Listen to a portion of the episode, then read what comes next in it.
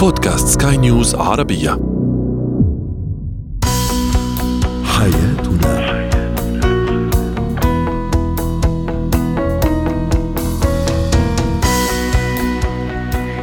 مستمعينا الكرام أهلا بكم معنا إلى حياتنا فضاؤكم اليومي الذي يعنى بشؤون الأسرة وباقي الشؤون الحياتيه الأخرى والذي يمكنكم الاستماع إليها عبر منصة سكاي نيوز عربية dot com slash بودكاست وباقي منصات سكاي نيوز العربية الأخرى. شاركونا عبر رقم الواتساب 00971 561 ثمانية ثمانية ستة اثنان اثنان ثلاثة. معي أنا آمال شابة اليوم نتحدث عن الانفصال النفسي والعاطفي بين الزوجين. متى يحدث؟ ما هي مراحل حدوثه؟ ما هي علاماته؟ أيضا وكيف نتصرف في حال حدوثه.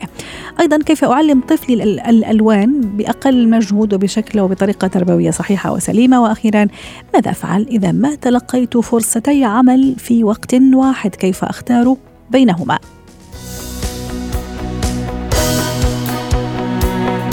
هو وهي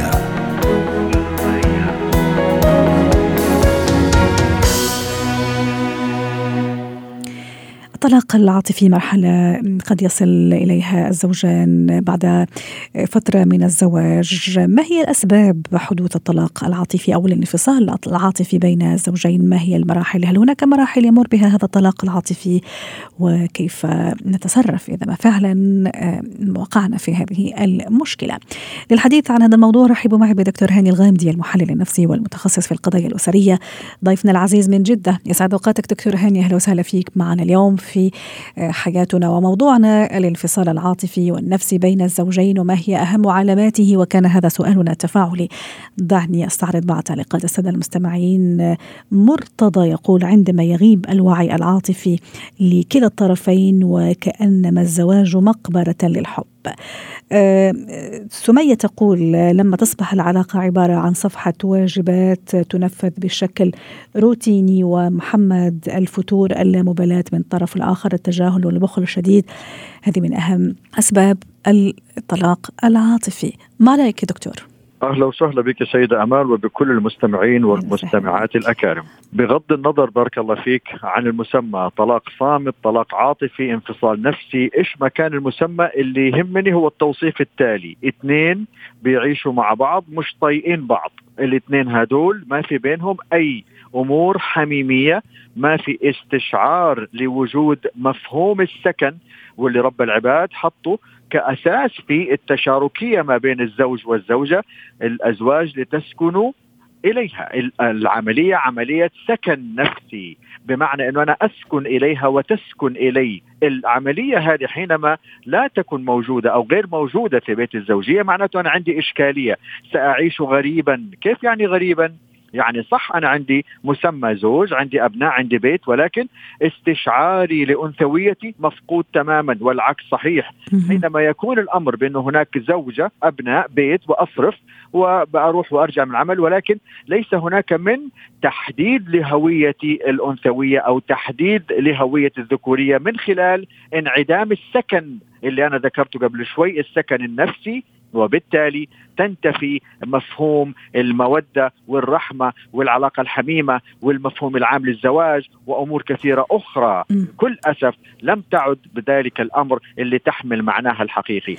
طيب وإيش اللي يخلي المفهوم السكن ينعدم بين الزوجين دكتور هاني؟ وبعدين أنا في البداية أشرت هل هو يجي بعد فترة مثلا معينة من الزواج ولا لا؟ ممكن يجي يعني بعد ممكن أشهر قليلة يحدث هذا الطلاق العاطفي وإيش أسبابه؟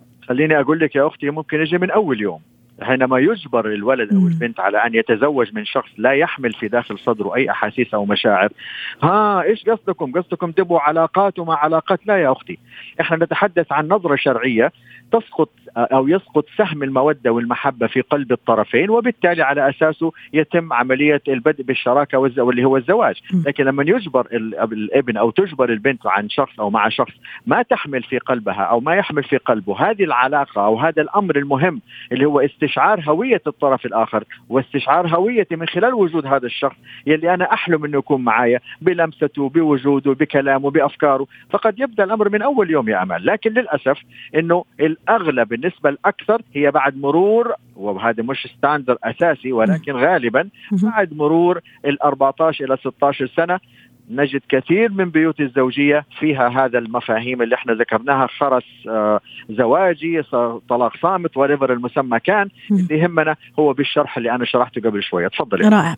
دكتور هاني هذا هذا الطلاق حتى نوصل له الطلاق العاطفي يمر هو بمراحل في كذا إشارات آه يعني ها تدل على إنه ترى الأمور أو الحياة الزوجية داخلة في منعطف حاسم ومنعطف شوية آه، خطير لازم أنتبه له وإلا راح يكون النتيجة طلاق عاطفي. ولا كذا يجي فجأة.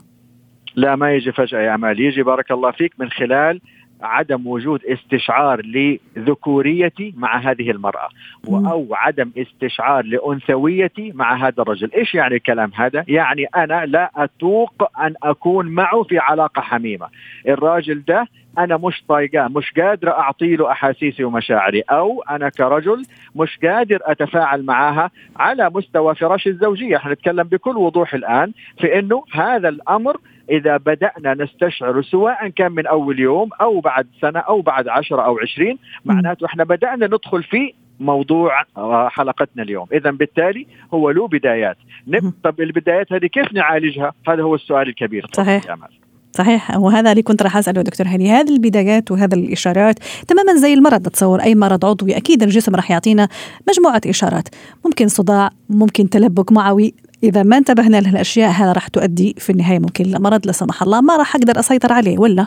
أحسنت يا أختي. اذا بالتالي أنا ما آكل أكل مسمم أو ما آكل بطريقة لا تليق بمفهوم معدتي على أقل مثال أو بالجزء الخاص بالمفهوم الصحي. وإذا أكلت شيء لا يليق بهذا الجسم معناته أتحمل النتائج. إذا هنا نعود بنفس الأمر نفس المفهوم على المستوى النفسي والعقلي والمشاعري. طالما أن هناك بدايات إنه والله في إشكالية ما بيني وبين هذا الطرف اللي هو ما بين زوج وزوجة إذا بالتالي يجب إنه إحنا نمارس اللي قاعد بأنادي فيه من سنين يا أمال وهو جلسات الصراحة. جلسات الصراحة بكل حب نجلس مع بعض. حبيبتي أنا حاسس إنه في أمر بدأ يختلف. في أمور إيش بك؟ إيش مزعلك؟ بس مش جلسات الصراحة يلي نقعد مع بعض ونقول أنت إيش بك؟ وأنت إيش عندك؟ وليه بتسوي كده؟ وأبدأ وأبدأ أنا أكون ذلك الشخص المسيطر على النقاش؟ لا. أنا يعني الجلسات اللي عادة ما تخلص بالجلد وال... وال... والصراخ وال... ونرجع للمربع الأول يعني. أكيد طبعا لأنه يقينا أنا حدافع بهويتي وأنت حدافعي بهويتك. وفي الآخر حنصطدم لأنه كل واحد يرى أنه هو على حق. اذا لو هناك حب يجب أن إحنا نجلس مع بعض من خلال هذا المفهوم مفهوم الحب. من البدايات ولا أن نستمر. كل واحد ماجد بوزه وكل واحد شايل على الثاني في قلبه وكل واحد زعلان من الثاني وكل واحد مش طايق الثاني. حتى لو كان هناك بعض التصرفات أو حتى بعدم وجود بعض التصرفات من أحد الطرفين تجاه الطرف الآخر. نجد أن هناك أمر عجيب غريب دخل عليه وهو فقدان الشغف. هذه نقطة جدا مهمة وحنتكلم فيها زي ما تبغوا على سنابي ولا عندكم هنا في ال في ال في ال على سكاي نيوز. ما عندنا مشكلة. الشغف حينما يرتبك المحتوى تبعه على طول تتأثر علاقتي مع هذا الطرف وبالتالي ستتأثر معاه لستة من الأمور من ضمنها العلاقة الحميمة. لما العلاقة الحميمة تبدأ تتلخبط على طول حنصل إلى موضوع الخرس أو الطلاق الصامت أو أو أو غيره. حتى في كثير يعني في بعض حتى ما نعلم طبعا بعض الأزواج والزوجات اللي وصلوا لهذا المرحلة خلص يعني عنده قناعة أو عندها قناعة إنه خلص راح تعيش لأولادها أو حيعيش لأولاده وهذا هو الهدف الأكبر والأسمى وما راح كثير توجع راسها وما راح كثير يعني تحاور هذا الزوج اللي عم تعيش معه هذا الصمت وهذا الخرس العاطفي.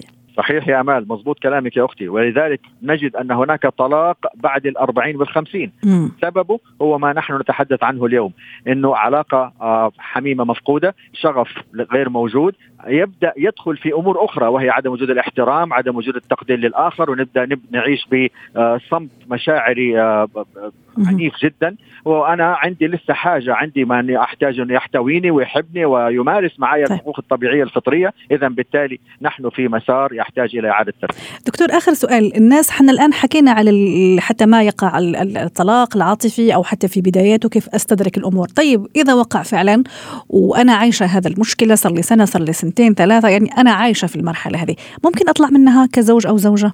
إذا رحت إلى مستشار محترف أو حكم من أهلها أو حكم من أهلها أو حكم من أهلها. ولكن للأسف أنا مش ضد طبعا هذا الآية الكريمة وهذا هو توجيه الرباني إنه الحكم يكون من أهله لكن الحكام اليوم مخهم ضارب يا أمال. فبالتالي أنا آسف أقول الكلمة هذه طبعا مش بالتعميم ولكن كل يعني يحارب لفريقه. اذا مستشار محترف يعيد ترتيب الأمور بقدرة المولى عز وجل أو قد نقرر أن هناك قرار قد يسلم به كافة الأطراف من خلال ما قد نراه على طاولة النقاش. شكرا لك دكتور هاني الغندي المحلل النفسي والمتخصص في القضايا الأسرية ضيفنا العزيز من جدة ويومك سعيد. زينة الحياة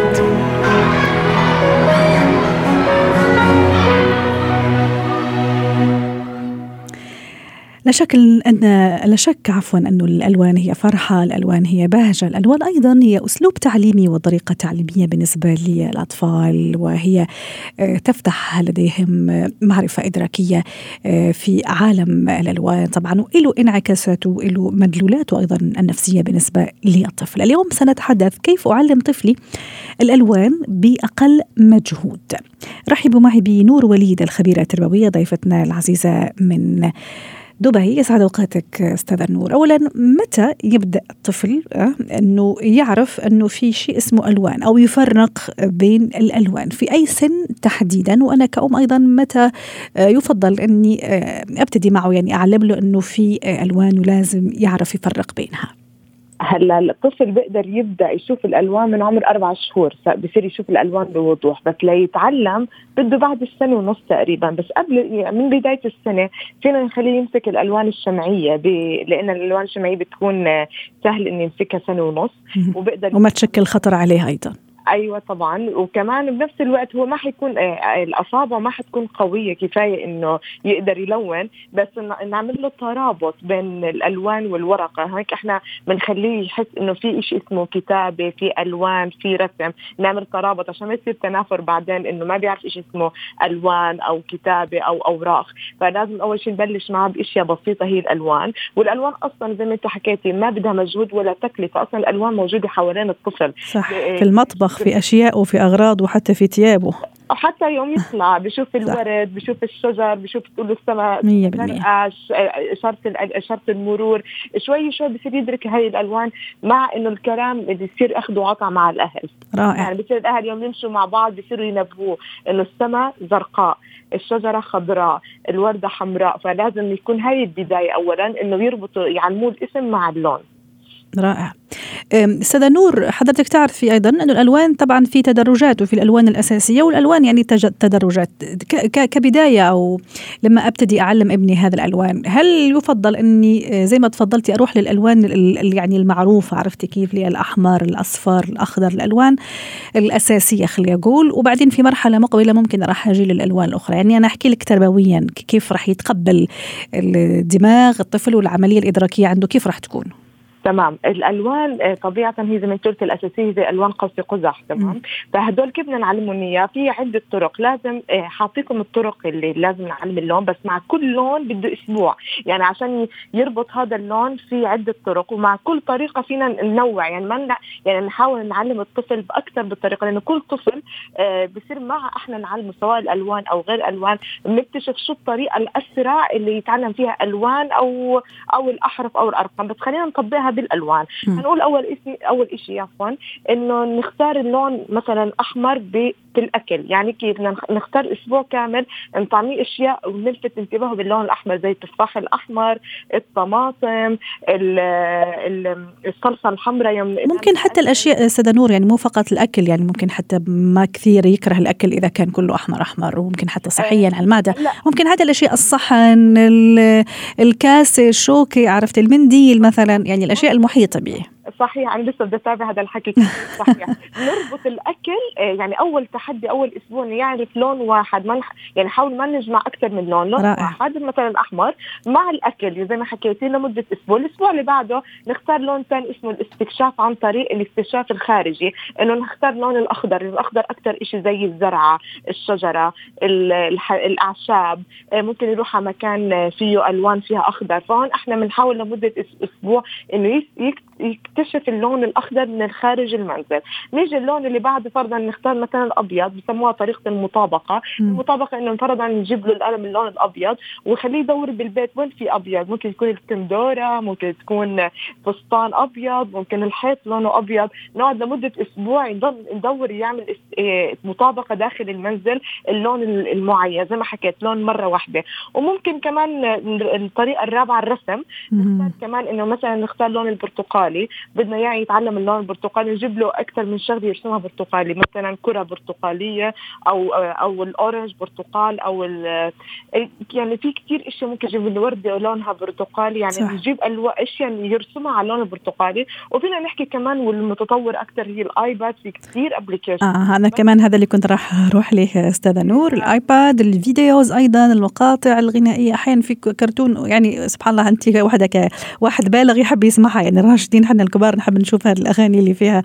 الأغاني والرسومات والألوان وفعلا أغاني عن الألوان تحديدا. مضبوط. إحنا جيلنا ما كان فيها الآيباد والكرتون اللي بيجذبنا نتعلم أسرع. هلا صار أغلب الكرتون تعليمي ألوان وأحرف وأرقام وحتى لغات. يعني بيتعلم كان الطفل يتعلم أكثر من لغة بهالوقت. بس يتعلم الألوان باللغة العربية واللغة الإنجليزية. كمان أنا كنت رايحة لهذا السؤال عم يعني عم عم تسرقي أفكاري. أستاذة نور أحيانا لما مثلا أعلم ابني خلينا نقول اللون الأحمر. أقول له مثلا بال بال بال بالإنجليزي وبالفرنسي ممكن حتى بلغة أخرى. هل هذا ينصح أيضا تربويا عادي إنه كمان دماغه ممكن يتلقف هذا هذا الألوان بلغاته المتعدده ولا لا ينصح؟ شوي شوي. من عمره سنه لخمس ست سنين بيقدر يتعلم أربع لغات. مخه نظيف بيقدر يستقبل أي أفكار أي معلومات. يعني عنده الدماغ عنده بتستقبل قد ما بدك. فطبيعي زي ما قلتي نعم بنعلمه أكثر من لغة. مو غلط بنعلمه أكثر من لغة ومنه الألوان الالوان نعلمه إياها أكثر من مرة. زي ما قلت لك عشان هيك إحنا بنحكي مثلا عشان ما يصير عنده لخبطة بنعلمه لون واحد لمدة أسبوع بنحكي له بالعربي بالانجليزي بالفرنسي بالإسباني زي ما بدنا بس يضل على تكرار. لأنه التكرار زي ما بقولوا بعلم الشطار والتكرار بتثبت المعلومة. بس عشان ما ينخربطوا يوم أحمر وبكرة أصفر وبعدين أخضر فهو هيك حيتخربط. فالتركيز الصح إنه مع كل لون أسبوع وزي ما حكينا في عدة طرق زي ما حكيناها باللقاء إنه نعم. الاهل يفوتوا يدركوها بهالطريقة وهون تثبت المعلومة ومو غلط يتعلموا أكثر من لغة. شكرا لك نور وليد الخبيرة التربوية ضيفتنا العزيزة من دبي أسعدتينا اليوم ونورتينا بهذه المشاركة. مهارات حياة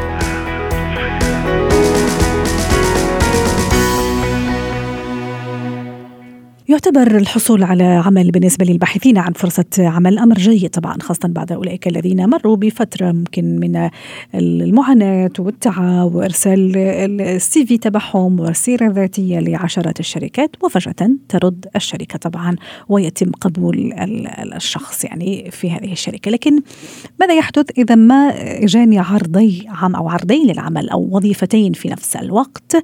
كيف أوازن؟ كيف أختار؟ كيف أروح؟ أو كيف أميل للأصح؟ للحديث عن هذا الموضوع رحبوا معي بمحمد الطيب مدرب مهارة الحياة ضيفنا العزيز. اسعد أوقاتك أستاذ محمد. اليوم رح نحكي إذا ما جاتني فرصة عمل أولى ثم ثانية في نفس الفترة تصور جاني اتصال من شركة. يعني ترحب بي كموظفة جديدة عندها وفي نفس ال... وأنا عم جهز حالي أيضا للالتحاق أو لل interview مثلا. تجيني فرصة عمل أخرى وعرض عمل آخر. كيف أوازن؟ كيف أختار؟ كيف أميل الاصح مساء الخير أستاذ أمل. يا أهلا وسهلا. كيف حالك؟ شو أخبارك؟ الحمد لله الله الحمد لله. حال الحمد لله.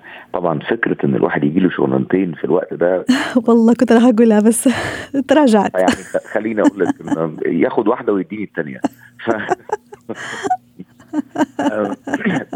شوفي طيب عم تقول لك والله في ناس عم تجيهم زميلتنا.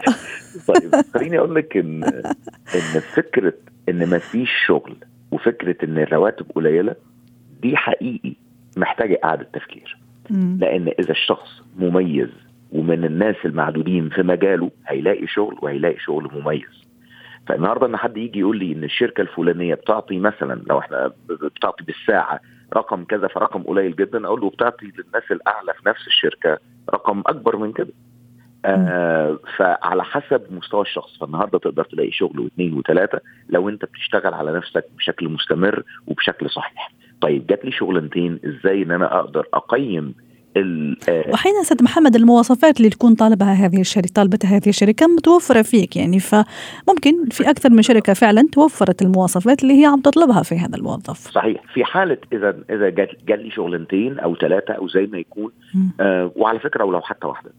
برضه أنا محتاج إني أشوف هل هي مناسبة ليا أو لأ. ولكن في الوقت الحالي إحنا طبعا ناس كتير محتاجة إن هي تدور على شغل عشان أمور المعيشة تكون أفضل في ظروف العالم كله فيه. طيب جات لي جات لي شغلانتين فعايز أشوف مين أفضل ومين أصح زي ما حضرتك سالتي في السؤال. مين هي أصح؟ هي طبعا ما فيش صح وغلط هي في صح بالنسبة لي. لا يعني ما فيش آه آه يعني قائمة كده نقول لو هي دي تبقى صح لا هو تقييم على حسب الشخص نفسه ففي معادلة حسابية حقيقي هي معادلة بنفكر فيها دايما في التقييم أو في ال evaluation بتاعت أي شيء إحنا بنقارن بينهم.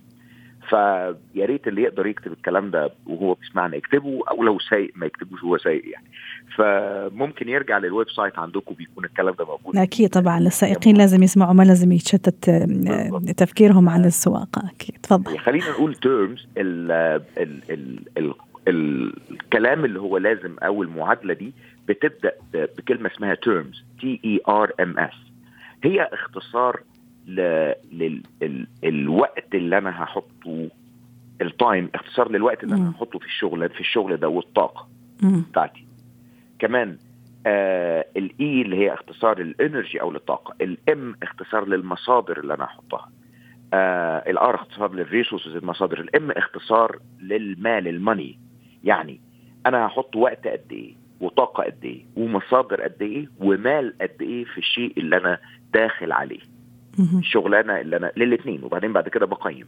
طيب يعني إذا أنا هصرف فلوس مثلا مصاريف في أي حاجة أنا بقيم وطاقتي مقدارها قد إيه والمصادر اللي أنا محتاج إن أنا تكون معايا علشان أعمل أعمل ده والوقت كمان بقيم قد إيه الموضوع ده هيكون صعب بيسموها كده السانتي أو وجع الدماغ بالبلدي كده بالمصري آه يعني قد إيه الموضوع هيبقى متعب بالنسبة لي. ده اللي أنا هصرفه على هذه الشغلانة وأفهم جانا بوتينج ان إيه اللي أنا هحطه في الشغلانة دي. طيب لازم يكون أقل من العائد بتاعي. العائد بتاعي ما ينفعش يكون متساوي. طبعا لو أنا بعطي شيء أو بشتري شيء العائد بتاعه أقل يبقى بالتالي أنا خسران. لو نفس متساوي يبقى يعني الأمور ماشية لكن لازم يكون أعلى. فبيقولوا كده اللي أنا هحطه في في القرار ده أو في الشغلانة دي لازم يكون أقل من العائد بتاعي لازم العائد يكون أعلى. فبيكون أقل من ال R O I اللي هي ال return on investment يعني الراتب بتاعه مثلا يكون مناسب للمجهود اللي أنا هحطه وده أول عائد. تاني عائد لأن مش عائد واحد. تاني عائد من أي قرار أنا باخده يكون ال future value يكون مستقبليا. هل الشغلانة اللي أنا هشتغلها دي أنا دلوقتي بفكر بشكل مؤقت ولا مستقبلي؟ أنا بفكر إن أنا أشتغل شغلانة يكون القرار مستقبليا بالنسبة لي مفيد. على فكرة اللي أنا بقوله ده لأي قرارات حتى في اختيار شريك الحياة. هل ال future value مع شريك الحياة مناسبة ولا أنا باخد حاجة إن هي بكون سعيد دلوقتي وبعد كده مش هينفع يكون معايا في المستقبل؟ فلازم ال future value في القرار ده يكون في قرار العمل مناسب. زائد ال ال ال lifestyle هل الجو العام لهذا لهذا العمل مناسب معايا ولا لا؟ زائد ال PD ال personal development هل أنا هتعلم حاجة جديدة من من الشغلانة دي ولا لا؟ م. فلو عندي شغلانتين وقيمتهم بهذا الشكل هيبقى عندي ناتج في الآخر. الاكثر هو اللي أنا هقرر هقرر إن أنا أخده مع صلاة الاستخارة ومع الرجوع لأن نسال ربنا سبحانه وتعالى ييسر لنا الأفضل. أستاذ محمد موضوع الشغف هون هل راح يكون أيضا عامل حاسم في الموضوع؟ بمعنى مثلا أنا مدرسة لغه لغة معينة خلينا نقول مثلا فرنسي ها مدرسة لغة فرنسي. تمام. أوكي جاتني وظيفة كمدرسة في مدرسة معينة وفي نفس الوقت وظيفة في مركز ثقافي مثلا ممكن يدرس هذا اللغة ها فيعني هم قريبين من بعض ال ال ال يعني الوظيفتي لكن مثلا أنا عندي شغف أكثر مع الأطفال لكن العائد ممكن أقل من المكان الثاني. هون كيف راح يكون الحسم حسم الموضوع؟ على حسب ظروفي المالية. لو أنا آه يعني الظروف المالية هي هي number 1 هي اللي تتحكم لو في آه لو لو العائد لو العائد لا لا في في, في السؤال اللي حضرتك بتسأليه. يعني أنا ظروف المالية تسمح إن أنا أقلل من الظروف المالية عشان أعمل شغفي في الوقت الحالي م. فلو تسمح هاخدها لكن لو لا تسمح وعندي التزامات وعندي أمور آه ضائقة مالية زي اللي الجميع بيمروا بيها لا فخليك في stable آه في, حاجة تكون مت متوازنة بالنسبة لك أو مضمونة إنك تقدر تشتغل عليها ويكون العائد بتاعك مضمون. النهارده إحنا بنتكلم عن العائد المضمون أهم بكتير من أي ريسك ممكن تعمله. طب دكتور محمد أستاذ محمد آه، إذا مثلا أنا خلص تقريبا آه، يعني اتفقت مع الجهة الأولى خلاص معزمت وكذا ومتفقة يعني بشكل يعني مبدئي لكن أعطيتهم تقريبا 60 70% الموافقة. وفي نفس الفترة إجتني إجاني العرض الثاني. كيف راح يكون الاعتذار طريقة الاعتذار؟ هنا دخلنا شوي في موضوع الاتيكيت والتعامل. كيف راح أعتذر مثلا من الجهة الأولى من الشركة الأولى بعد ما رحبت بي وأعطتني تسهيلات وأعطتني ال offer كمان؟ كيف راح يكون الموضوع الاعتذار؟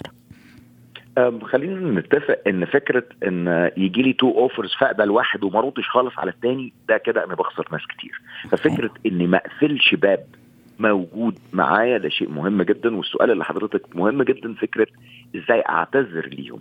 فاولا بقول لهم إني طبعا بشكرهم إن هم آه إن هم قبلوني وإن هم offered me the job يعني.